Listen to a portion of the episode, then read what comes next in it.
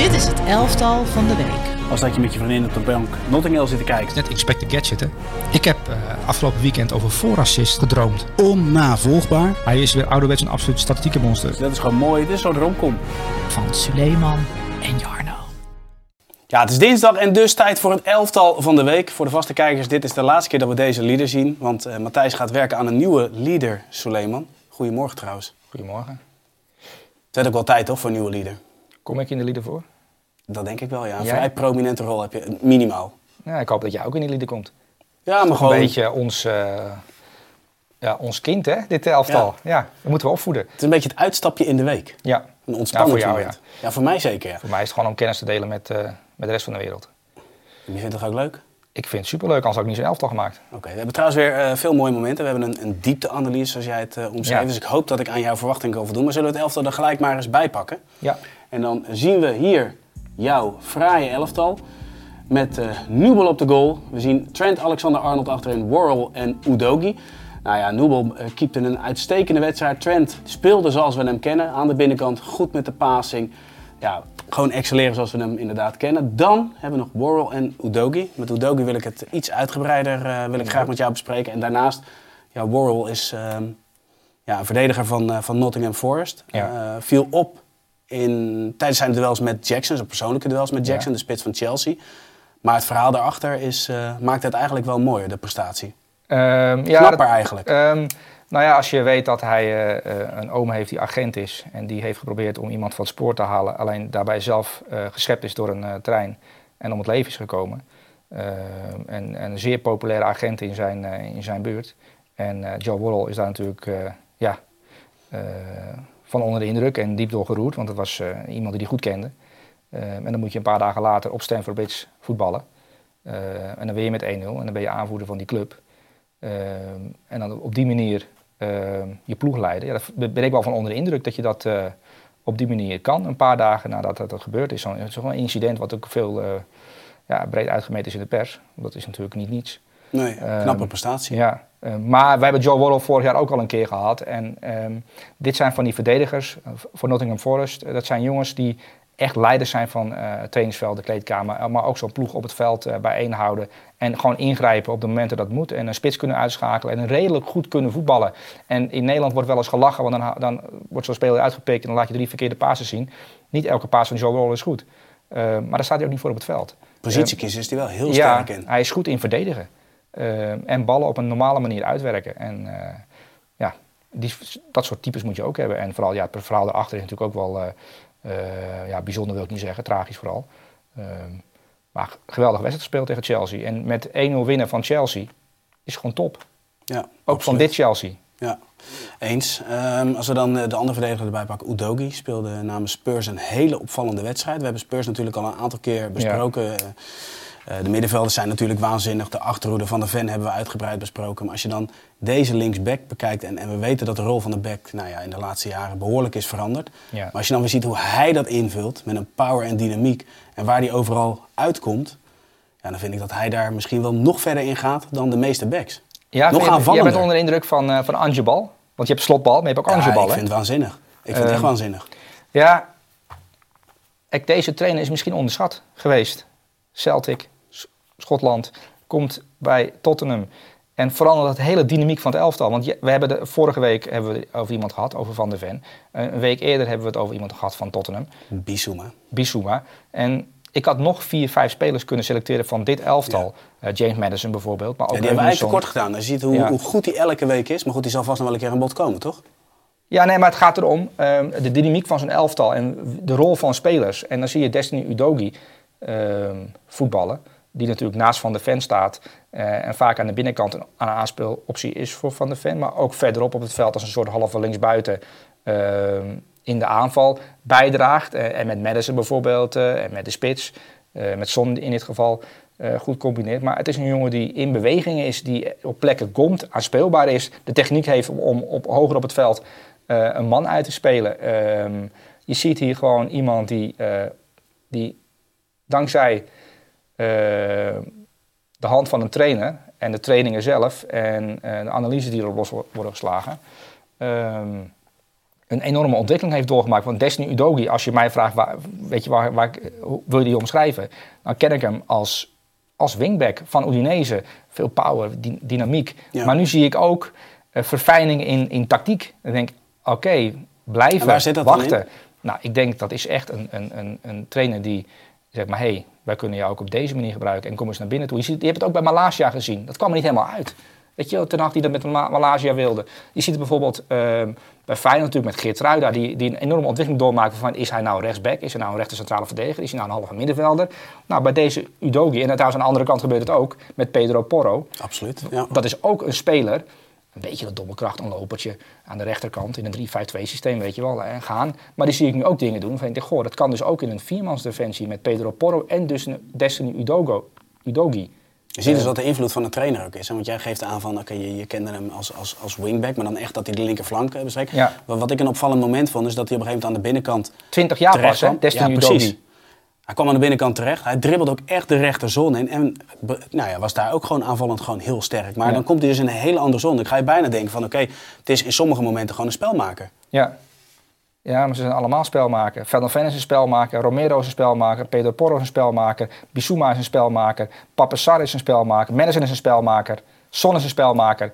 Tottenham speelt met alleen maar, alleen maar spelmakers. Zelfs Ja. de keeper is een spelmaker, Vicario. Ja. Misschien alleen Richarlison niet. Richarlison is geen spelmaker. Maar die gaat ook sneuvelen. In dit systeem. Er gaat uiteindelijk een, een, een spits, denk ik, wel bijkomen die ook een spelmaker is. Ehm, want wat je ziet, wat, wat, wat post, waar Postecoglou op selecteert, ehm, is voetballers die op het moment zelf oplossingen aanreiken. Intelligentie. Wat je ook bij Arsenal ziet, dat zo'n elftal zelfdenkend lijkt. Maar dat is natuurlijk wel een trainer die, die eh, voedt. Die, Ja. die laat zien, hé, hey, Is dat dan wel het verschil met de Serbië? Want daarbij heb ik meer het idee dat het geprogrammeerd is. Ja, maar programmeren en eh, eh, laten zien hoe je naar het spel kan kijken. Kijk, Guardiola heeft ook, alle spelers zeggen dat, die, die laat je naar het spel kijken op een totaal andere manier. Oh, oké. Maar daarom mag een linksbuiten in het eerste half uur niemand voorbij dribbelen. We moeten het spel opentrekken. We moeten de tegenstander langzaam aanwurgen. Oké, zo ik het nooit bekeken.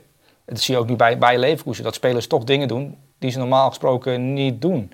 Eh, dat komt omdat een trainer heel goed kan verwoorden waarom bepaalde dingen moeten gebeuren en waarom je op bepaalde plekken moet komen en waarom je van de fan niet één of twee speelopties, want druk zetten, een tegenstander kan druk zetten op Tottenham. Maar er is heel lastig druk te krijgen op een ploeg die zo in beweging is, want je moet continu Waar is Destiny Udogi nou? Ja, je, kijk, de linksback van een eredivisieclub is vrij lastig, te, of vrij makkelijk te dekken. Of een links centrale verdediger beweegt toch niet. Want ja, de bal gaat van A naar B. Je weet ongeveer welke paas ze gaan spelen. Ja. Ehm, maar van de fan, weet jij, als je het beeld stop zet, weet je eigenlijk niet welke paas je gaat spelen. Nee, of je bent te we hebben het laat. vorige week over gehad, omdat Ja. er zoveel opties heeft. Ja, dat, dat onderscheidt een topteam. Ja, maar- ja, maar dit, dit, dit, je ziet bij Tottenham echt een, een geweldige dynamiek ontstaan. Ehm, en het zijn vier wedstrijden, het zijn tien punten. Je kunt zeggen het is het begin. Maar wat je vooral ziet, en, eh, is dat er allerlei spelers ontwikkeling doormaken waarvan ik...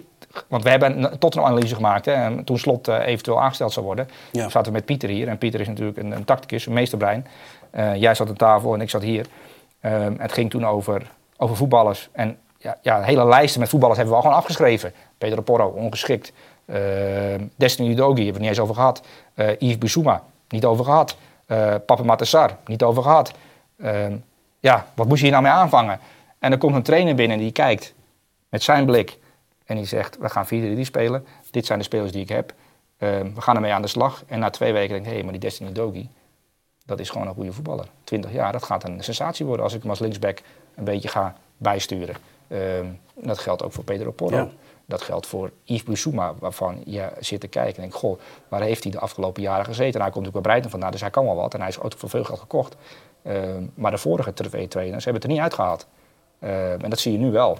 Eh, dat, vind ik, dat vind ik prettig om naar te kijken. Daarom is het nu, ik zet nu graag Tottenham aan, omdat ik denk gewoon, ik ga even kijken. Nou, daarom ben ik ook blij met je elftal, want eh, Tottenham komt erin voor, Bayer Leverkusen komt erin voor, Ja. eh, Brighton komt erin voor. Ja. Maar goed, laten we het elftal er nog eens bij pakken. Matthijs die zet eh, de kaart weer prachtig voor. Als we nou Nubel erbij pakken, ehm, nou ja, valt op met het uitstellen van de paas en de passing. Wat voor cijfer krijgt hij voor zijn optreden tegen Freiburg? Een 9. Een 9. Trent met die waanzinnige paas op eh, Salah, wat krijgt hij voor zijn optreden? Een 9. Worrell is dan een 10, Een 9. een 9. En tot slot eh Udogi, Een 9. Een 9. Oké, dan gaan we naar de middenvelders.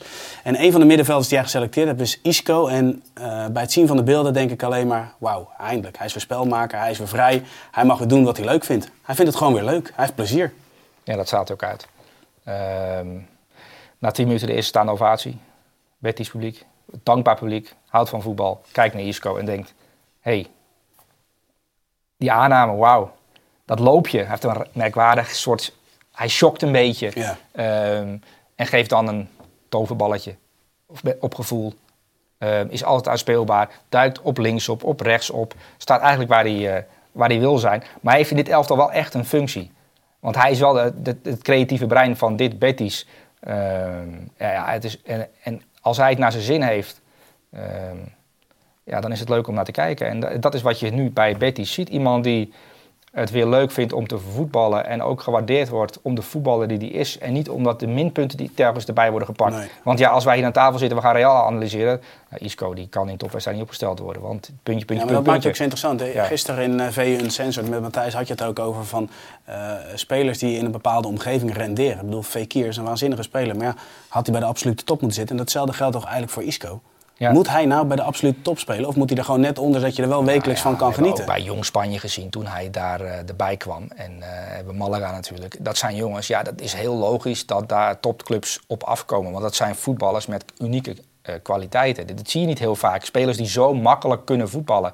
Alleen, je weet nooit als je een speler naar, naar een topclub haalt... of hij om de drie dagen zo'n prestatie kan. Dus, dus gewoon, gewoon die klep opzetten. En eh, wat ik over Max Verstappen een keer verteld heb, klep opzetten en die e- eerste bocht moet de eerste zijn. En dat elke keer weer, elke Ja. bocht opnieuw. Ja, dat, is een, dat moet je mentaal zo ongelooflijk eh, sterk zijn. En dit zijn jongens, eh, en er is Isco een voorbeeld van, die ook af en toe eventjes er niet willen zijn. Nou, Ja. dat kan bij Betis. Daar kun je even een wedstrijd, eh, zoals Nabil Fekir, kun je ook een keer rood pakken. Loopt van het veld af en dan ben je drie, drie wedstrijden later ben je er weer een keer. Ja. Maar ja, dat kan niet bij Liverpool. Want dan is het drie weken lang, eh, krijg jij de schuld. Zo is het. Dan gaan we naar de volgende middenveld. Dus Joshua Kimmich. Die is er wel elke week bij. En die is wel elke week scherp. En die staat Ja. bewust. Eh, toch, als je, als je dan kijkt, nu, nu zit Kane zit in die ploeg. En dan ben ik toch steeds aan het kijken van... oké, wie heeft dan de beste connectie met Kane? Is dat dan toch Kimmich of niet? Nou, eh, ik heb hem ook geselecteerd. Hij was, hij was grandioos weer op zijn manier en creatief. Eh, twee assists natuurlijk, eh, corner en vooral die steekbal. Ja, ja, ja. Ehm, maar na afloop, en Thomas Tuchel na afloop is altijd interessant om even naar te luisteren, omdat hij het moeilijk vindt om, om de waarheid heen te draaien. Joshua Kimmich, die vindt hij veel creatief. Die is ook op training altijd bezig met de laatste paas, met een assist geven. Joshua Kimmich is eigenlijk een creatieve verdedigende middenvelder. Meer een nummer 8 dan, dan een nummer 6. Volgens Thomas Tuchel, dat heeft hij na afloop van eh, deze wedstrijd tegen Klappach helemaal eh, geanalyseerd tot achter de komma. Ja. Vond ik leuk, leuk om te zien dat, eh, dat Thomas Tuchel zo over Joshua Kimmich sprak. Ehm, dus hij is eigenlijk ook altijd weg uit het midden. Ehm, Ja, hij is op zoek naar de ruimte. ruimtes kijken en, en daarna en terugkomen. eh, Want hij is ook een spelmaker. Hij is ook Ja. een speler die in de internationale topcompetities altijd het langst aan de bal is. Hè. Dat heb ik daar een keer uitgezocht. Zeker. Eh, drie seconden is hij ongemiddeld aan de bal. En daarna komt Frenkie de Jong met 2,9 seconden. Dat geven we even mee. Ehm, dus Joshua Kimmich is zeer aanwezig in een elftal. Ehm, en ja, Thomas Tuchel had daar een ideale speler bij gezocht. Eh, en hij, in zijn hoofd was het al helemaal rond. Oké, die komt, dat is fijn. Dan kunnen wij de komende Champions League fase met die speler ernaast, met Joshua Kimmich iets naar voren. En dan met, eh, hebben we het over João Palaninha. Dat was de, de droomaankoop van, eh, van Thomas Tuchel. Ja. Hij ging ervan uit, komt rond. Hij was zelfs in München gekeurd. ehm, totdat Fulham zei van, hé, maar we hebben geen opvolger. hij moet terugkomen. Ja, Thomas Tuchel heeft daar een aantal stoelen door zijn studiootje gegooid. Eh, tactiekbord omver getrapt. En een heleboel bij elkaar gescholden. Ja, echt. Ja, nee, ik geloof het direct. Ehm, omdat hij ja, nu tot en met januari zonder verdedigend middenveld moet opereren en Goretzka moet neerzetten. Ook omdat Gravenberg vertrokken is natuurlijk. Dus, die, dus ze hebben ook nog eens Mocht er een blessure uitbreken daar in het middenveld, hebben ze een probleem. En Leimer zou er niet kunnen spelen? Nou, Leimer is nu voorlopig even de vervanger van de rechtsback. Die er ook niet meer is. Pavard is vertrokken. Maar goed, Leimer zou er wel kunnen Ja, spelen, maar toch? Bayern München heeft heel weinig voetballers. En één centrale verdediger over. Dat is Matthijs de Ligt. Maar die kan niet op de respectpositie spelen. En ook niet op het middenveld. Maar Nee, Thomas maar- Tuchel zal op een gegeven moment toch moeten gaan schuiven bij schorsingen en blessures. Ehm, en nu is het Joshua Kimmich die, die, die opviel. Alleen in topwedstrijden gaat het, en, en, en dat, dat hebben we natuurlijk al eerder ge- geconstateerd. Er is daar naast Kimmich een probleem aan het ontstaan. En zo'n type speler, Palaninha, waar je een cirkel omheen kunt trekken en dat is zijn gebiedje. Nou, als je Kimmich als acht een beetje cre- creatief is, assist geeft en, die, en Kane gaat zoeken en, en de Coman en Sané en dat soort types. Dan had je daarachter met Palaninha een fantastische eh, poortwachter. Eh, eh, iemand die op de uitkijktoren stond en oké, de bal komt aan, die is voor mij. En weer door, zoals, zoals bij Paris Saint-Germain nu ook iemand staat die, die da- dat in de gaten houdt. Zullen we het daar gelijk over hebben? Want het is wel een interessant thema. Als je nou kijkt, een, een, een team, laten we zeggen, heeft altijd één speler waar het om draait, waar de eerste bal naartoe moet. Nou goed, dat is eh Kimmich bij Bayern München, dat is Frenkie de Jong bij Barcelona. Dat gaan we straks uitgebreid eh, bespreken. Maar laten we Ugarte er nou eens bij pakken, want dat is zo'n speler die dus eigenlijk ervoor zorgt dat alles om hem heen gewoon draait en loopt en comfortabel is. Ja. Is Ja, dat dan zo'n een- speler die zowel bij Bar nou ja, Barcelona, Bayern München een sleutel zou kunnen zijn voor bijvoorbeeld Frenkie de Jong of voor Kimmich? Ja, zo'n speler heb je wel nodig, ja. Ehm, dat zie je ook nu bij Paris Saint-Germain. Als je gaat kijken naar eh, hoe zij de wedstrijd tegen Lyon eh, in handen hebben genomen. Dat komt omdat Ugarte tactisch zeer slim is. Bijvoorbeeld de, de, de 1-0, de goal die eh, Paris Saint-Germain als eerste maakt. Dan zie je dat Ugarte het druk zetten uitstelt. Want er is eigenlijk een paasoptie die... Hij weet, die paas gaan ze geven. Dat heeft hij of van tevoren gezien. Om- Uit de analyse is gebleken dat Lyon graag door het midden die bal Ja. speelt op de verdedigende middenveld. En dan het spel wil beginnen. Ugarte weet dat. Dus die wacht, wacht, wacht, wacht. En hij weet, die bal gaat nu komen. Tak, zit er bovenop. En zijn specialiteit is net als Kanté. De timing van zo'n, van zo'n actie. Pam, bal geven, 1-0. En dan heb je eigenlijk al de wedstrijd in handen. En dat heeft hij nog een keer gedaan en nog een keer gedaan. Dat viel heel erg op. Ehm, en ik heb de data er eens bijgepakt om te kijken eh, het aantal balveroveringen.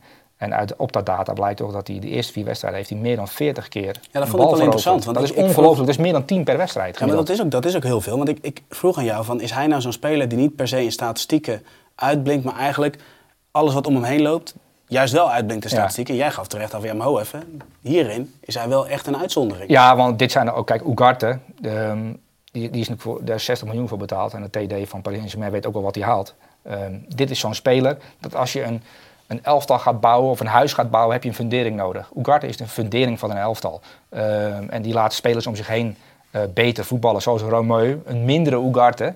Ehm Frenkie de Jong laat eh, excelleren. Of, Daar heb ik mijn Frenkie- twijfels bij, maar daar gaan we het straks over hebben. Oké, daar heb jij je twijfels bij. Dat, Ja. dat, dat, gaan gaan we, dat vind ik wel leuk om te bespreken zo. Ehm, denk ik. Ehm, maar Ugarte, ja, dat is een, dat is een jongen die... eh, daar gaat niet heel vaak over, over gesproken worden bij Paris Saint-Germain. Want het gaat natuurlijk over ehm Dembele en zijn dribbeltjes. Eh, het gaat over de spits. Colomwani of Ramos of Asensio. Er zijn, ze hebben nogal wat opties. Ja, ja, ja. Ehm, en Het over- gaat soms ook over Mbappé. het gaat altijd over Mbappé en terecht, want die gaat er 40 maken. Want die is bezig met zijn eigen En op het middenveld gaat het vaak over Vitinha, wat toch echt wel een mooie speler is. Ja, maar- is ook weer goed. Vitinha is heel veel kritiek op geweest. Hè? En vorig jaar was er kritiek op de TD van Paris Saint-Germain. Die moet eruit. Die heeft alleen maar garni- B-garnituur gehaald. Dat was, Vitinha is geen B-garnituur. ja, maar de, de geluiden in Parijs. B-garnituur. We, hebben, we zijn weer uitgeschakeld in de achtste finale. Wat moeten we hiermee? Twee, drie sterren en Vitinha. Wat moet je ermee? Maar nu Ja, zie maar het je, ligt aan die twee, drie Ugarte- sterren, want er is toch geen balans in het elftal? Ja, maar Ugarte maakt Vitinha beter. Want Vitinha is een een jongen die op 8 voor de creativiteit zorgt. Saire Emery, 16, 17 jaar, is een jongen die zich aan het ontwikkelen is. Die heeft natuurlijk rechtsback gestaan, die heeft rechtsbuiten gestaan, die heeft overal gestaan. Ja. Die kan gewoon heel goed voetballen. Nou, die is pas 17 jaar, die gaat zich enorm ontwikkelen. Op een goede plek nu. Met iemand erachter die... Ja, maar je ziet toch dat alles in elkaar Die- Want je ziet er ook dat Hakimi zie je toch weer eh, dingen van terug waar je denkt, hé, hey, zo kennen we hem. Ja, Dat heeft ja, er ook te maken met de omgeving en de ruimtes die op een gegeven moment vrijkomen te... Ja. Ja, kijk, Lu- Luis Enrique is natuurlijk een trainer die houdt van balbezit. En als je gekeken hebt naar Paris Saint-Germain, en Wiets van der God was geloof ik commentator, en die zei dat ook elke keer, want je hoorde elke keer de stem van, eh van eh Luis Enrique. Balbezit, rondspelen, balbezit, rondspelen. Je hoorde de hele tijd balbezit, rondspelen. Dus de bal ging dan... Maar stond hij op de stijger of zat hij op de bank? Wie, Wietse of eh Luis Enrique? Luis Enrique? Nee, die, zat gewoon, die stond gewoon Oh, langs de wel. kant. Ehm, maar je hoort heel duidelijk, want eh, hij is natuurlijk echt de een van de balbezittrainers hier in Europa. Er is niemand die zoveel balbezit heeft, eh, of zijn ploegen, als Luis Enrique. Duizend passes, eerste wedstrijd bij Paris Saint-Germain. Nou, we hebben het WK natuurlijk in Qatar gezien, dat was alleen maar passes. Ja. Ehm, en nu heeft hij ook nog eens paas, paas, paas, paas, Mbappé. Paas, paas, paas, paas, Mbappé. Paas, paas, paas, paas, paas, Dembele, Mbappé. Dat is wel lekker, een afronden. Ja, en dat is ook wel een logische gedachte. Want door juist veel te pasen en niet direct naar, dan, dan trek je het ook langzaam uit elkaar. is eigenlijk wat je dus net weer bij Pep, Pep wat Guardiola je, zei. Ja, en wat je, en wat je, daarmee, wat, je daar, wat je daarmee bereikt is dat je niet... Stel je voor, Dembele elke keer... eh, Je bent niet af- voorspelbaar. ja, je bent niet voorspelbaar, maar ook je verliest zo vaak de bal dat je elke keer erachteraan moet rennen. En nu moet de tegenstander ja, van links naar rechts schuiven. En ben jij op zoek naar het moment dat je kunt versnellen. En dan kun je Vitinha kan versnellen, Asensio kan versnellen, Dembele kan versnellen, Mbappé kan versnellen. En Ugarte is ondertussen aan het kijken waar, eh, waar een gewond hertje is die die kan opvreten. En dan Ja. pam.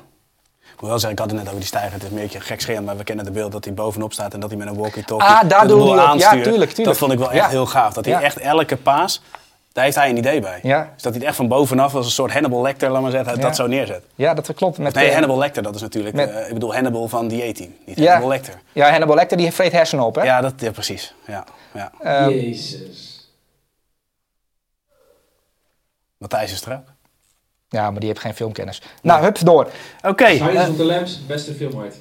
Zeker. Ja, hele mooie film. Hey, ehm, zullen we het elftal er even kort bij halen voordat we naar de diepteanalyse gaan? Dan zet Matthijs hem eh, wederom voor. Heel mooi. Ehm, Isco besproken, Kimmich besproken, Ugarte besproken. Cijfer voor Isco. Een 9, Een 9. Kimmich een 9, en Ugarte een 9. een 9. Nou, ik ben benieuwd of we nog een hoger zijn. We gaan nu naar Frenkie de Jong. En ehm, eigenlijk wil ik met jou gaan bespreken van hoe gaan we eh Frenkie de Jong optimaal benutten. Dus het is meer Oh, van, we, we? willen... We, we, Oh ja, dat, we nemen onszelf wel heel serieus nu. Nee, hoe, kan- hoe kan Frenkie de Jong... als, maar plant zeggen- hier in de hal. De Zoiets, Frenkie ja. de Jong plant. Nee, dat niet. Maar 120 passes. Dus hij moet veel aan de bal zijn. Dat is belangrijk, toch? Ja? Hij moet kunnen dribbelen Ja? en hij moet vrijheid krijgen. Ja? Nou, en dan gaat het om de vrijheid. Ik, ik ben van mening dat hij niet per se een balafpakker nodig heeft. Ik hoop dat je dat straks eh, met me eens bent Oké. en bij het zien van de beelden. Maar dat hij iemand nodig heeft die eigenlijk alleen maar zijn positie overneemt. Dat hij, of hij nou op 6 staat of dat hij centraal achterin staat, dat hij vanuit daar de vrijheid krijgt om te doen waar hij goed in is. Maar dat zijn positie steeds overgenomen wordt. Want nou goed, bij het zien van de beelden zul je zien, een balafpakker is niet nodig. En als hij aan de bal is, dan maakt hij op wat voor manier dan ook het verschil. Maar laten we het eerste moment er eens eh, bij pakken, Sully, want ik heb het opgesplitst in drie delen. Hier wordt Frenkie de Jong aangespeeld onder druk. Nou ja, je ziet al dat hij ingekapseld wordt. En het volgende moment, hij dribbelt in. En het mooie daaraan is, en dat zie je in het eindbeeld. We hebben helaas niet de bewegende beelden zoals eh, bekend. Hij bindt drie spelers en vervolgens gaat die bal naar de zijkant. En krijgen we daar een 1 op 1 en dus een gevaarlijke situatie. Niet een assist, maar wel ruimte die hij creëert.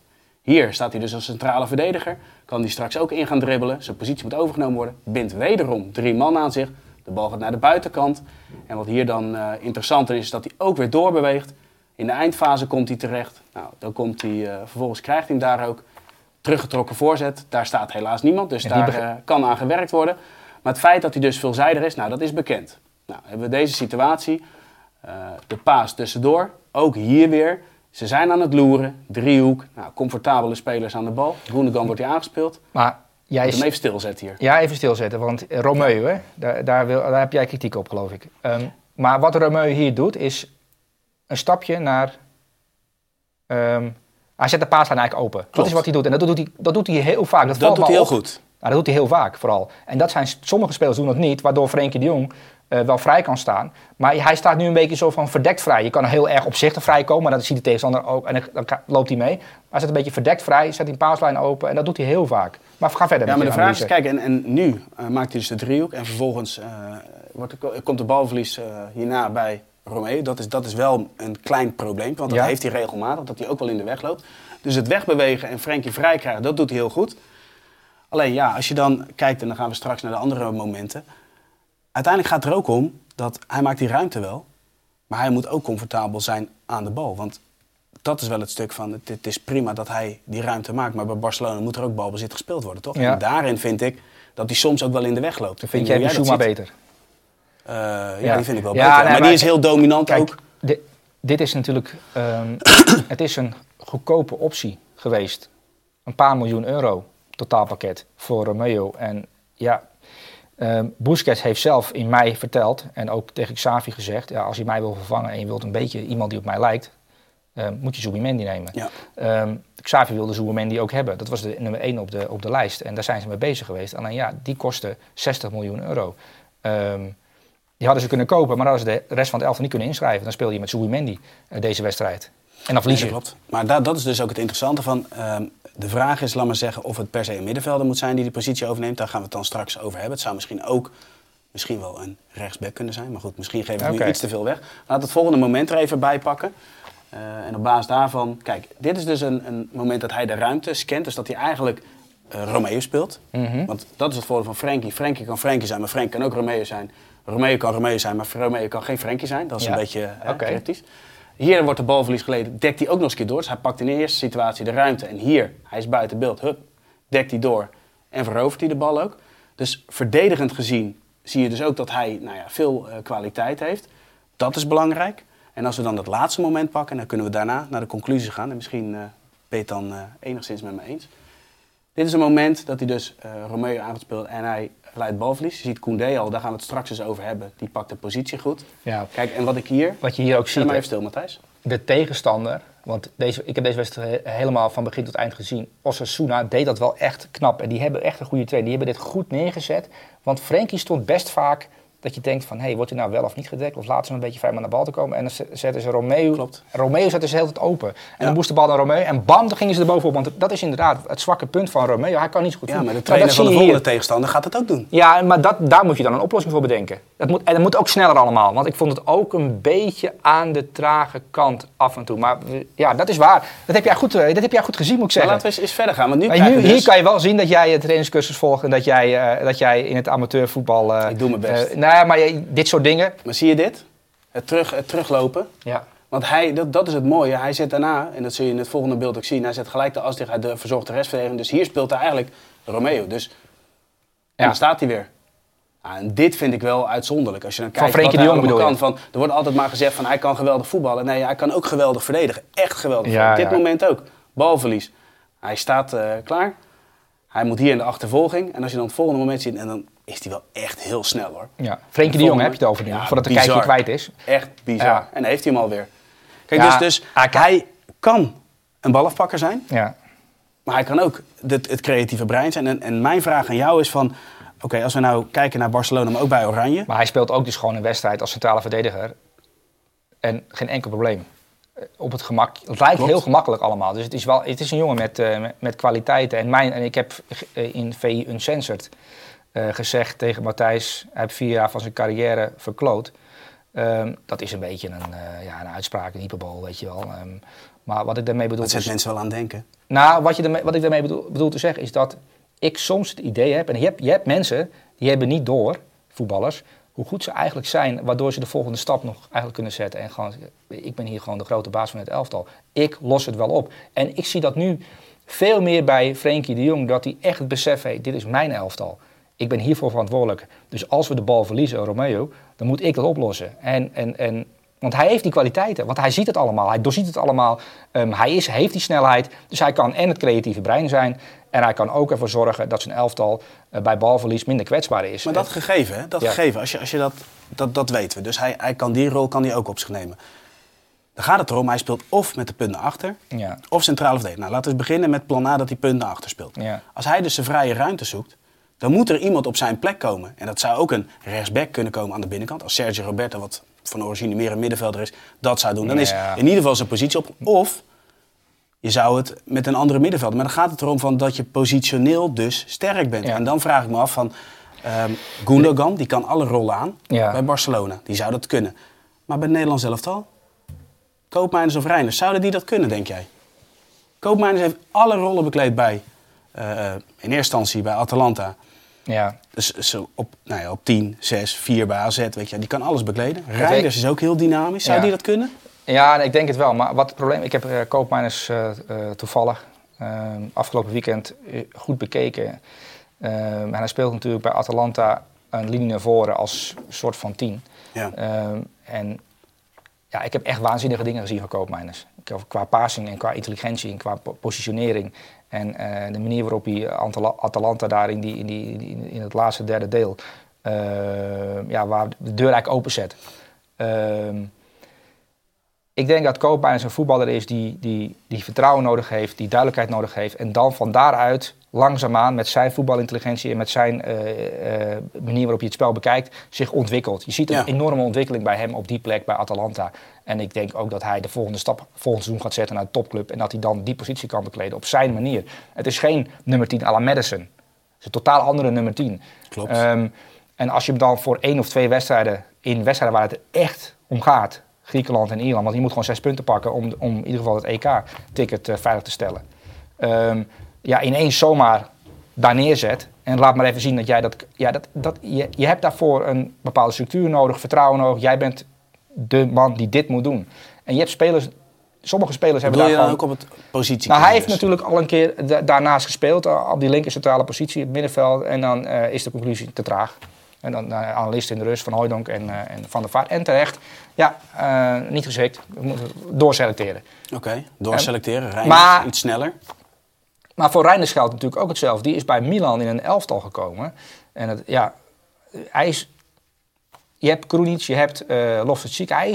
De meest aanvallende pion op het middenveld. Met de vrijheid ook om te bewegen. De dynamiek die hij heeft. Links en rechts. Ja, maar ook om in te zakken. Ja, maar ook in te zakken. Het Ja, niet maar, een maar, hij speelt van voor naar achter en niet van Ja. achter naar voor. Naast Frenkie spelen speel je van achter naar voor. Is een totaal andere, eh, andere, andere manier van... Dat hangt er toch vanaf. Als hij in de rechterzone staat, dan krijg je toch de situatie dat Frenkie als 6 inschrijft en dat hij juist een Ja, teruggetrokken beweging maar, maakt. ja, ja. En het gaat om dat je, of, je, of je in staat bent om te lezen wanneer die positie Ja, ingezet maar moet het worden. is, het is toch anders als je met twee man achter je speelt of met iemand naast je. En dat, dat, is een gevoel, ehm, dat is moeilijk uit te leggen. Maar bijvoorbeeld, wij hebben het ook met Van der Beek gezien, ehm, die ook op die plek werd gezet. Want er kwam er meer voetbal in Oranje. Weet je dat nog, een paar jaar geleden, onder Ja, ja, Frank ja. de Boer kwam die Van der Beek naast eh Frenkie de Jong. Want Droom, dat, dat was vertragend. Dat was meer een bal afpakken en je speelde dan tegen een tegenstander die toch de bal eh, niet had. Dus dan kon je Van der Beek neerzetten. Maar dat functioneerde helemaal niet. Ehm, want ja, die is gewend om, ja, ik, ik zeg van voor naar achter spelen en van achter naar voor spelen. Begrijp ik wat ik bedoel of dan ook Ja, niet? ja, tuurlijk. Ehm, ja, dat is, dat is, als je dat een jaar lang al doet bij Atalanta en ineens word je daar neergezet, ja, dan is het toch alsof je met, met een zwemvest ineens, of zonder zwemvest, de oceaan in wordt geflikkerd. Is toch een ander gevoel. Daar moet je even aan Ja, wennen. maar het zit toch ook in patronen. Ze hebben toch Ja, maar je moet hebben ze het gehad over de box en dat ging dan over dat je een dubbele 10 en een dubbele 6 hebt. Maar ik denk wel dat je de kijker nu kwijt bent, hoor. Nou ja, hoezo? Hoezo ben ik ook kwijt? Dat, jij onderschat de kijker. Geloof Nee, me nou, die weten de kijker niet, maar- maar ik heb ook wel eens het idee dat als je, als je zo zou spelen... Ja, en, en Frenkie die graag in de linkerzone staat... Geert Truida onder slot. Ja, die ontwikkeling is echt waanzinnig. Hij kan 100% ernaast komen. Ja, maar niet, niet tegen Griekenland en Ierland in, in, in, in één week zonder een half jaar voorbereiding waarin je week in week uit het mag proberen. Ja, volgens Van Basten maakt dat niet uit, want goede voetballers voelen elkaar direct aan. Ja, hele goede voetballers wel, ja. Maar we hebben het over het beste Milan eh, ooit. Met alleen maar topvoetballers. Ehm, Oranje is nu een verzameling van jonge spelers die zich moeten bewijzen. Die net één of twee jaar profvoetbal in de benen hebben. En die moeten dan eh, nu het EK-ticket veiligstellen deze week. Is wel wat anders. Het is, ja, dat wordt wel... Nee, het wordt ook ingewikkeld, maar de, de conclusie is dan dat eh, uiteindelijk moet er wel moet er iemand gevonden worden om de positie van Frenkie goed op te vullen op het moment dat hij weg is. Alleen is de tijd nu te kort, omdat Griekenland en Ierland dus eerst overleven en richting het eindtoernooi zorgen dat dat eh, staat als een huis. Ja, maar ook daar is geen tijd voor. Dus, dus ja, wordt een lang seizoen, Champions League, eh, dan nog een keer Champions League en dan begint een toernooi en dan heb je twee, drie weken. Ja, er is weinig, jij, jij hebt het over patronen, eh, maar je moet gewoon presteren en Ja, maar wat moet Koeman dan doen? ja, bidden dat het goed komt, vooral. Ja, dat moet hij vooral doen. Ik vind het wel een somber einde van deze Nou ja, ik ben ook een beetje somber over, over de kansen voor Oranje. Ik, ik, hoop, ik hoop dat het goed komt, maar ja, met hoop en hopen dat het goed komt, dan gaat het vaak fout. Mag ik dan zeggen dat ik hoop dat er een voetballer naast Frenkie de Jong komt te staan uiteindelijk? Maar wie, jij hebt hier natuurlijk duidelijk over. Ik heb hier niet over nagedacht. Ehm, jij hebt hier duidelijk over nagedacht. En jij vindt eh Tiani Reinders naast uh, weet Frenkie de Jong. En wie zet je dan op dat 10? vraagt. Simons. Mm, Ja, ik weet dat het, het is heel aanvallend. Maar ik denk dat Koopmeiners uiteindelijk de meest geschikt is. Omdat hij positioneel zo sterk is, alle rollen ook kan bekleden. Alleen het lullig is, hoe goed hij het in Italië ook doet... bij het Nederlands elftal is het er nog niet uitgekomen. Maar in potentie, ik vind dat zo'n goede voetballer. Slimme voetballer ook. Positioneel sterk. Ja, ik ook. Ja, ik, bedoel, ik ben echt onder de indruk van, eh, van, eh, van de manier waarop je functioneert bij Atalanta. Alleen er staan nog wat jongens achter. Ja. Nou ja, stiekem doop. Zullen we tot slot een cijfer geven aan Frenkie de Jong? Eh, een 9. Een 9. Dan pakken we het elftal er weer even bij en dan eh, gaan we tot slot de Maar aanvallers bespreken. vind jij Frenkie de Jong een goede voetballer? Ik vind Frenkie waanzinnig. Is hij de beste middenvelder ter wereld? Nee. Wie is de beste middenvelder ter wereld? Eh, op dit moment, ja goed, Kevin De Bruyne is, is geblesseerd. Ik denk dat de meest compleet op dit moment Bellingham is. Ondanks dat hij zo jong is. Maar goed, als, als, als alles staat voor Frenkie, dan kan hij het wel gaan worden. Maar goed, laten we het elftal nog een keer bijpakken. Ehm, we zien de aanvallers hier. Haaland, Ferguson en Boniface. Nou, laten we beginnen met, eh, met Boniface. Heb je eh, weer genoten van het juichen van Boniface? Want jij schijnt een goede imitatie... eh, Nou, het was een vrij slechte imitatie. Want het is eigenlijk dit. En ik deed dit. Oh. En het is eigenlijk dit. Dus, Oh ja. maar hij heeft het weer, eh, weer gedaan. Het is genoten van Leverkusen, hè? Oh. Ehm, ja, genoten van Leverkusen en ook van deze jongen die, die, die toch bij Union vandaan komt. En daarvoor bij Bodo Glimt gespeeld heeft. En ehm, ja, kijk, wij hebben natuurlijk in, in Nederland nu de discussie van spelers uit de tweede divisie. En spelers uit België en spelers uit Noorwegen. En spelers waar ze ook vandaan komen. Die, die, die, ja, die, die moeten we maar zien wat ze kunnen. Maar bij Leverkusen heeft eh, eh, Victor Boniface...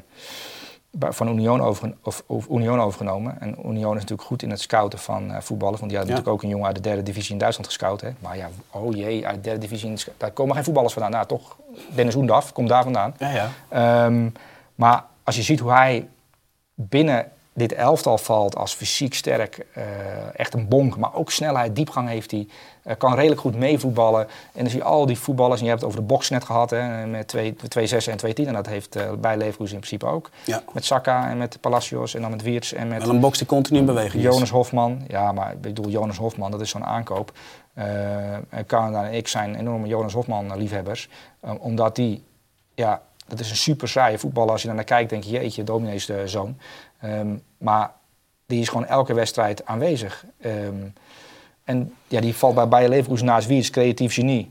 Jonas Hofman, dat is een boekhouder. En dan heb je ook nog die, die kanten die, die aan het bewegen zijn met diepgang. En met Frimpong die nu op het strafbankje zit. En dan heb je Victor Boniface die dat elftal invalt. Ja, het strafbankje van Koeman, hè? niet van Xabi Alonso. Nee, van Koeman. Ja. Ehm, en dan komt hij binnen en Victor Boniface is nu een soort van eh, sensatie in de Bundesliga. Omdat hij, ja, hij maakt ook echt een geweldige goal. Hè? Oh, die eerste. Ja, die eerste goal die hij maakt. Dat- Maar dat is wel de ongrijpbaarheid van dit soort spitsen. Ook zo'n Osimhen die dan, ja, Charleroi, Lille, en dan komt hij bij Napoli, denk je, Ja. jeetje. En als je die heel sec gaat bekijken met een, eh, eh, met een TD eh, of met een Stijnbril op, dan denk je van, ja, wat kan die jongen eigenlijk? Weet je wel? Maar ga je naar Victor Boniface gewoon in dit elftal kijken, dan past hij perfect in de structuur van Bayer Leverkusen. En die hebben nu alles gewonnen. En Bayern München moet ook alles winnen. Willen ze kampioen worden. Dat wordt echt interessant. Want Ja. Bayer Leverkusen zit echt goed in elkaar. Er zit zoveel voetbal en creativiteit in en scorend vermogen. En ook nog eens jongens die van de bank kunnen komen. Dus eh, dat heb je samen het leukste vind aan Bayer Leverkusen is dat, dat ehm, eh, de structuur inderdaad voetbal, maar ook, ook de formatie waarin ze spelen, maar dat het continu, zeker in de as, dat de posities anders ingevuld zijn. Dus dat het steeds verandert, maar dat het uiteindelijk wel in de principes klopt. Dat Ja. je steeds dat vierkant ziet. Dat, je steeds die diepgang ziet. Dat je Ja. steeds de bezetting aan de zijkant ziet. Ja, Dus ik, het is wel echt eh, genieten. En het is ook iedere keer weer de vraag, als je dan die wedstrijd kijkt, dan ben ik toch benieuwd, nou, wie ga je eruit pikken? Ja, daarbij, kijk, ik heb geen voorkeur voor Bayer Leverkusen of, of Brighton of, of, of Liverpool of zo. Maar ehm, ja, op basis van afgelopen weekend moet je op, kom je op Victor Boniface uit. Ja. En ik had ook Heuming Son kunnen nemen, maar ik had al Destiny Udogi. Die, ja, waarvan jij toch wel zegt, ja, terecht dat je die uitgepikt hebt. Ja. Nou goed, Victor Boniface, een 9. Een 9, mooi. Dan gaan we eh, hierna even door naar Erling Haaland. Die is natuurlijk weer trefzeker, zoals altijd. ik vond eh, die... Loopactie. Eén loopactie. Precies. Ja, Ja, ja, ja, ja, ja. Dat zou ik dus, Die van Sergio Gomez, die paas. ja, zou ik dus voor, zou ik uitknippen als trainer van een Eredivisieclub. En een spits die wat minder goed beweegt in de 16. Want waarom staat Erling Haaland daar? Waarom schiet hij die, die bal zo makkelijk binnen? Ja, als je dan ziet met welke intentie en op welk moment hij... De timing De timing van zijn loopactie is daar zo goed dat het lijkt... Ja, die verdediger zit te slapen. Eh, ja, dit is gewoon de kwaliteit van Erling Haaland. En ook bijna geen bal Maar je raken. moet hem frame voor frame kijken. Want die eh, Gomez die, die komt door.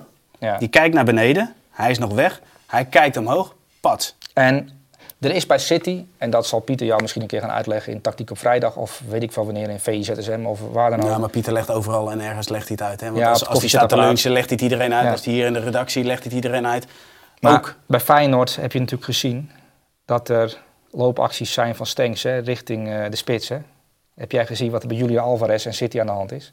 En waarom? Ja, dat, is- Ja, de slot heeft weer zitten kijken en die denkt, hé, interessant, dat kunnen wij ook wel eens gaan. Dat, dat, dat werkt. Als je daar chaos veroorzaakt bij de tegenstander. Want Haaland is natuurlijk redelijk makkelijk te dekken. Want hij komt eigenlijk niet aan de bal. Dus je kan, ja, als je hem een beetje in de gaten houdt, je bent- hebt snelheid, je hebt beetje bravoure en je denkt, ik heb er zin in. Dan kun je Erling Haaland dekken. Ik zit erover na te denken. Als je, als je het zo bekijkt, dan denk ik dat iedere centrale verdediger met een goed gevoel eraf stapt. Omdat je denkt, nou, 90% lekker van de gedaan. tijd heb ik hem. Ja. Maar hij heeft er wel drie gemaakt. Ja, en ja, hij heeft weer een hat en, en er kwam, en die komt dan zijn statistiekjes in beeld. En een aantal hat van fenomenen uit het verleden. Eh en Haaland heeft nu al zoveel hat gemaakt. En dan zie je hoeveel wedstrijden hij nodig heeft gehad. En dan de nummer twee op zo'n lijst staat gewoon 150 wedstrijden eronder. Hè. Heb je Van Nistelrooy en zo, dat je die types, de Henry's van deze wereld en de Shearers. En dat waren, Shearer en Henry en Van Nistelrooy, dat waren fenomenen. Dat, waren, dat zijn de grootste van de grootste geweest hè, in de Premier League historie. Ja. En dan heb je nu er een, een type rondlopen die in zijn tweede seizoen bij, eh, bij City eigenlijk alle records al min of meer verbroken heeft. En En ogenschijnlijk makkelijk nou, hij kan niet voetballen. Eh, althans, dat is ho- hoe je ernaar kan kijken. En, hij komt ook nauwelijks aan de bal. Ehm, en dan zie je dat Guardiola toch ook aan het puzzelen is van ja, weet je wel, hij, hij moet nog meer en makkelijker in stelling gebracht kunnen worden. En Julian Alvarez, op zichzelf een van de beste nummer 9's ter wereld. Want ja, je, we kunnen, je noemde net Bellingham de beste middenvelder ter wereld. Ehm, wie is de Ja, beste meest spits? complete. Wie is de beste Ja. spits? Nou, Mbappé, Haaland. Dat zijn de beste spitsen. Klopt, ja. Ehm, maar Julian Alvarez, ja, wat is dat eigenlijk? Dat is mijn grote vraag. Wat is, wat is Julian Alvarez? Nou, een hele goede negen die de vrijheid nodig heeft. En als we dan straks naar de laatste gaan, dan denk ik dat hij in dat systeem dat hij echt een sensatie zou zijn. Wie? Alvarez in het eh, systeem van Brighton. Oh, oh, oh, ja, nee, maar is Julian een bruggetje. Oh, bruggetje. Oké, bruggetje. Want cijfer Haaland? ja, negen. Een 9. Dan gaan we naar de allerlaatste aanvaller. En dat is eh, onze grote vriend Evan Ferguson. Nou, ik ben Wij zo, zijn ik, fan ben, ik van wil even inleiden. Oké, sorry. Ehm, ik heb door Destiny Dogi was ik onder de indruk. ja. Ehm, ik was onder de indruk van Isco en van Frenkie de Jong. Maar zelden zit ik met open mond te kijken. En ik heb naar Evan Ferguson van Brighton met open mond zitten kijken. Omdat je je realiseert dat je zit te kijken als hij zich doorontwikkelt en hij geen rare blessures oploopt. Je zit te kijken naar een fenomeen. Je zit te kijken naar iemand die... nieuwe Marco van Basten? Nou, net, dat, zo werd hij vroeger genoemd. En eh, ik heb een keer een pro-artikel over hem geschreven. VS Scout, een jaar, een jaar geleden denk ik. Over, zo werd hij in Ierland genoemd. Omdat hij een hele goede voetballer is voor iemand met zijn postuur. Daar werd hij de nieuwe Mark van Basten genoemd. Maar zo wil ik hem niet zien. Ik zie hem als Evan Ferguson, een 18-jarige Ier. ehm, die een trainer heeft die kennelijk die potentie in hem eruit wil halen. En hij zei een paar weken geleden iets over João Pedro. En iedereen dacht van João Pedro moet in de basis, want die hebben zoveel geld gehaald, weet je wel. eh, van Watford, die moet spelen. En toen zei de trainer, ja ho ho. Maar eh João Pedro, die doet nog niet alles wat ik wil, wat ik verlang van de spits. De druk zetten, daar moet hij beter in worden. Eh, in de bal komen moet hij beter in worden. En dat heeft hij ook gezegd natuurlijk een jaar geleden over Evan Ferguson. Die zag hij op 17 jaar op training. Ik dacht, jeetje mina. Aanname goed. Eh, kan je mee druk zetten, want hij heeft ook nog agressie in zijn spel. ja. een beetje Ja, Wayne Rooney-achtige agressie heeft Ja. hij. Ehm à la Kane kan hij in de bal komen en wegdraaien. Dat vind ik het mooiste aan hem, als ik eerlijk ben. Ja, ik, vind de combinatie mooi. Ik vind de manier waarop wat hij heeft in deze wedstrijd tegen Newcastle United. Die speelde natuurlijk niet met Botman, maar met eh Burn in de defensie. En de druk zetten van Brighton. Dat was eigenlijk de sleutel van deze wedstrijd. En dat speelde hij. Hè, als je denkt dat dit Evan Ferguson zou voor Hag een droom zijn als spits. In plaats van Heulund. Ik denk dat, dat elke trainer nu Evan Ferguson zou willen hebben. En dan ga je erover nadenken van ja, hij heeft er nu drie gemaakt. Hat valt op. En hij heeft afgelopen seizoen een aantal, aantal gemaakt. Is met z'n 18 nog piepjong. En je ziet wat spitsen over hem denken en zeggen. En die zitten ernaar te kijken. En zijn echt ja, verbaasd hoe goed hij nu al is. Ehm, en dit wordt echt een knaller van een spits. Dit wordt... ehm, Jij zei voor de uitzending eh, dat hij Nederland gaat slopen. Dat we daar... eh, ja, deze voor jongen, de- als, als Oranje niet goed eh, voorbereid is, gaat, gaat deze Ier gaat, eh, gaat Nederland slopen, ja. Want het is nogal een, het is een beest van een spits. Hij, hij kan ook nog eens ehm, aangespeeld worden en, en dan de bal en nou- vasthouden. precies. En nou zeg je iets, Guns, want het- voordeel is wel dat bij Ierland Jean-Paul van Hekken niet speelt. Want dat scheelt een hoop. Ja, maar dan onderschat jij de Ieren. Eh, De Ieren Nee, tegen... ik onderschat de Ieren niet. Ik, ik schat Van Hekken op waarde. Dat is iets heel anders. Oké, jij bent een eh, vriend van Van Hekken. Hij is een vriend van Van Hekken. Wel een leuke gozer trouwens. Ja, ja, ja een zeker. Ja, ik heb, maar Van Hekken heeft ook een aantal passes, vier, vijf passes, direct in de voeten van Ferguson gespeeld. die dan zich laat terugzakken naar, eh, naar, naar het middenveld. Ehm, maar de Ieren hebben een aantal jonge gasten. En die hebben ook eh, Nathan Collins uit mijn hoofd eh, in de defensie staan. Is ook een goed opbouwende jongen die ook zo'n inspeelpaas heeft. En de bondscoach van Ierland is niet dom. Ehm, die hebben ook een keeper, de Ieren. Nou, wij hebben natuurlijk ook goed opbouwende keepers nu, jonge gozers. Eentje van Breiten, Verbrugge. Maar de Ieren hebben ook een, keeper. Die hebben we al een keer behandeld. Ehm, is ook een jongen geweldig met de voeten.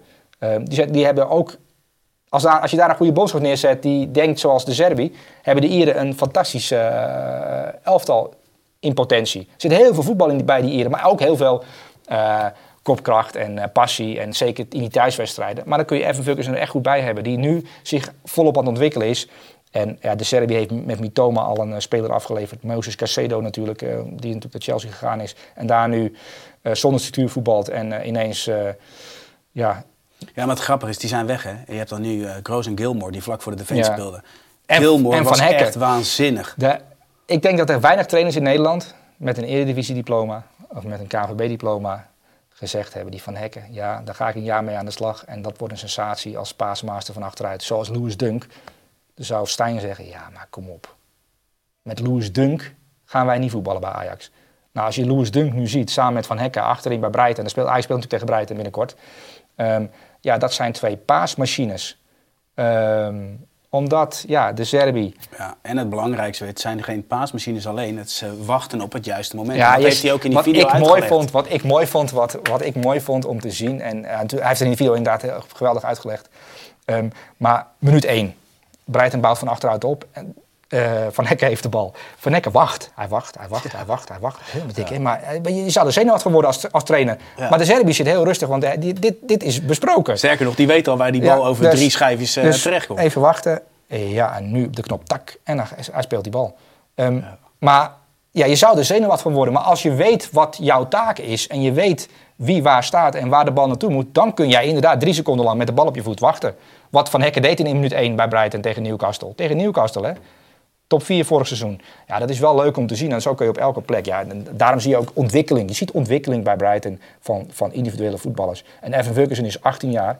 Eh Mitoma is 150 miljoen waard. Evan Ferguson is aan het eind van het seizoen 200 miljoen waard. En dan gaan clubs vechten. Want dit is de nieuwe eh spitsensensatie. Je hebt, het Kane is natuurlijk vertrokken naar, eh, naar eh, Bayern München. Dus die is van de markt min of meer, van de Premier League markt. Deze jongen, eind van dit seizoen, daar gaat om gevochten worden. Daar gaan clubs... Ja, daar komt een enorme strijd om. Want ik denk ook dat Arsenal bijvoorbeeld denkt... hey, Declan Rice, Evan Ferguson moeten we nu hebben. Want die gaat echt elftallen beter maken. Als dat ook gebeurt, hè, wat heeft die Serbi dan al in het laadje van Brighton? Nou, daar komt de? Serbi zelf ook in beeld bij de top van de top van de top. Want als je dit bij Breiten kan met deze spelers, dan kun je natuurlijk ook een stap hoger met nog veel meer spelers die in potentie nog veel meer kunnen dan ze kunnen. En dat bedoel ik ook met Frenkie de Jong. Die zelf misschien niet door had, maar, maar, maar de Serbi, wat hij over Ansu Fati zei, ik ben het aan, het aan, aan het erfgoed van het voetbal verplicht om Ansu Fati, dat is een bijzondere speler, om daar de potentie van te ontdekken. Dat, ik, ik moet als trainer harder werken om het uit Ansu Fati te krijgen. Want dat ben ik verplicht aan de geschiedenis van het voetbal. Welke trainer praat nou zo? Nou, de Serbi. Want die ziet dat dus op die manier. Die kijkt naar Ansu Fati en zegt, ja, dat is zo'n ongelooflijk uniek talent. Daar moet je mee omgaan zoals je met een diamant die je uit de grond haalt. Daar moet je, daar moet je, daar moet je zorgzaam mee omgaan. En zo gaat hij ook om met Van Hekken. En dat is toch wel fijn. Stel je voor dat jij elke dag een kantoorpand binnenkomt en dat, dat jouw baas zo met jou omgaat. Dan word jij straks super Jarno in plaats van Jarno die je nu bent. Ik ben er helemaal stil van. Ja, nee, maar dat is dus best wel. eh, dat, dat, hoeveel invloed zo'n coach kan hebben op zo'n hele club. is best wel eh, bijzonder. En denk dat Pieter dat wel met ons zou kunnen doen, denk je niet? dat weet ik niet. Trouwens, je, had, je die live show gedaan, hè, vrijdag. Weet je wat er gebeurde op de terugweg? Nee? Ben je aangereden? Nee, ik zou, ik zou Pieter thuis brengen. En we zitten te ouwehoeren. Ja. En Pieter woont in Utrecht en ik moest eh, richting het, het mooie Bodegraven, naar het Groene Ja. Hart. En Pieter zegt op een gegeven moment, joh, volgens mij zijn we de afslag voorbij. Moesten we s'nachts nog een keer helemaal terug. Nee, dat meen je niet. Zitten te lullen, gewoon de afslag vergeten. Dat was een lang Je avondje. bent niet aangerand door Pieter, toevallig. Want hij heeft wel vaker dit trucje toegepast. Hè? Dan mist hij de afslag en dan eh, slaat hij toe. Hè? Dat is niet gebeurd. Hij weet dat ik meer ben dan alleen een lustobject. Eh, nou, ik heb Pieter ook een keer eh, teruggebracht. Of, ja, ik heb Pieter ook een keer terug moeten brengen. Want Pieter heeft geen rijbewijs, hè?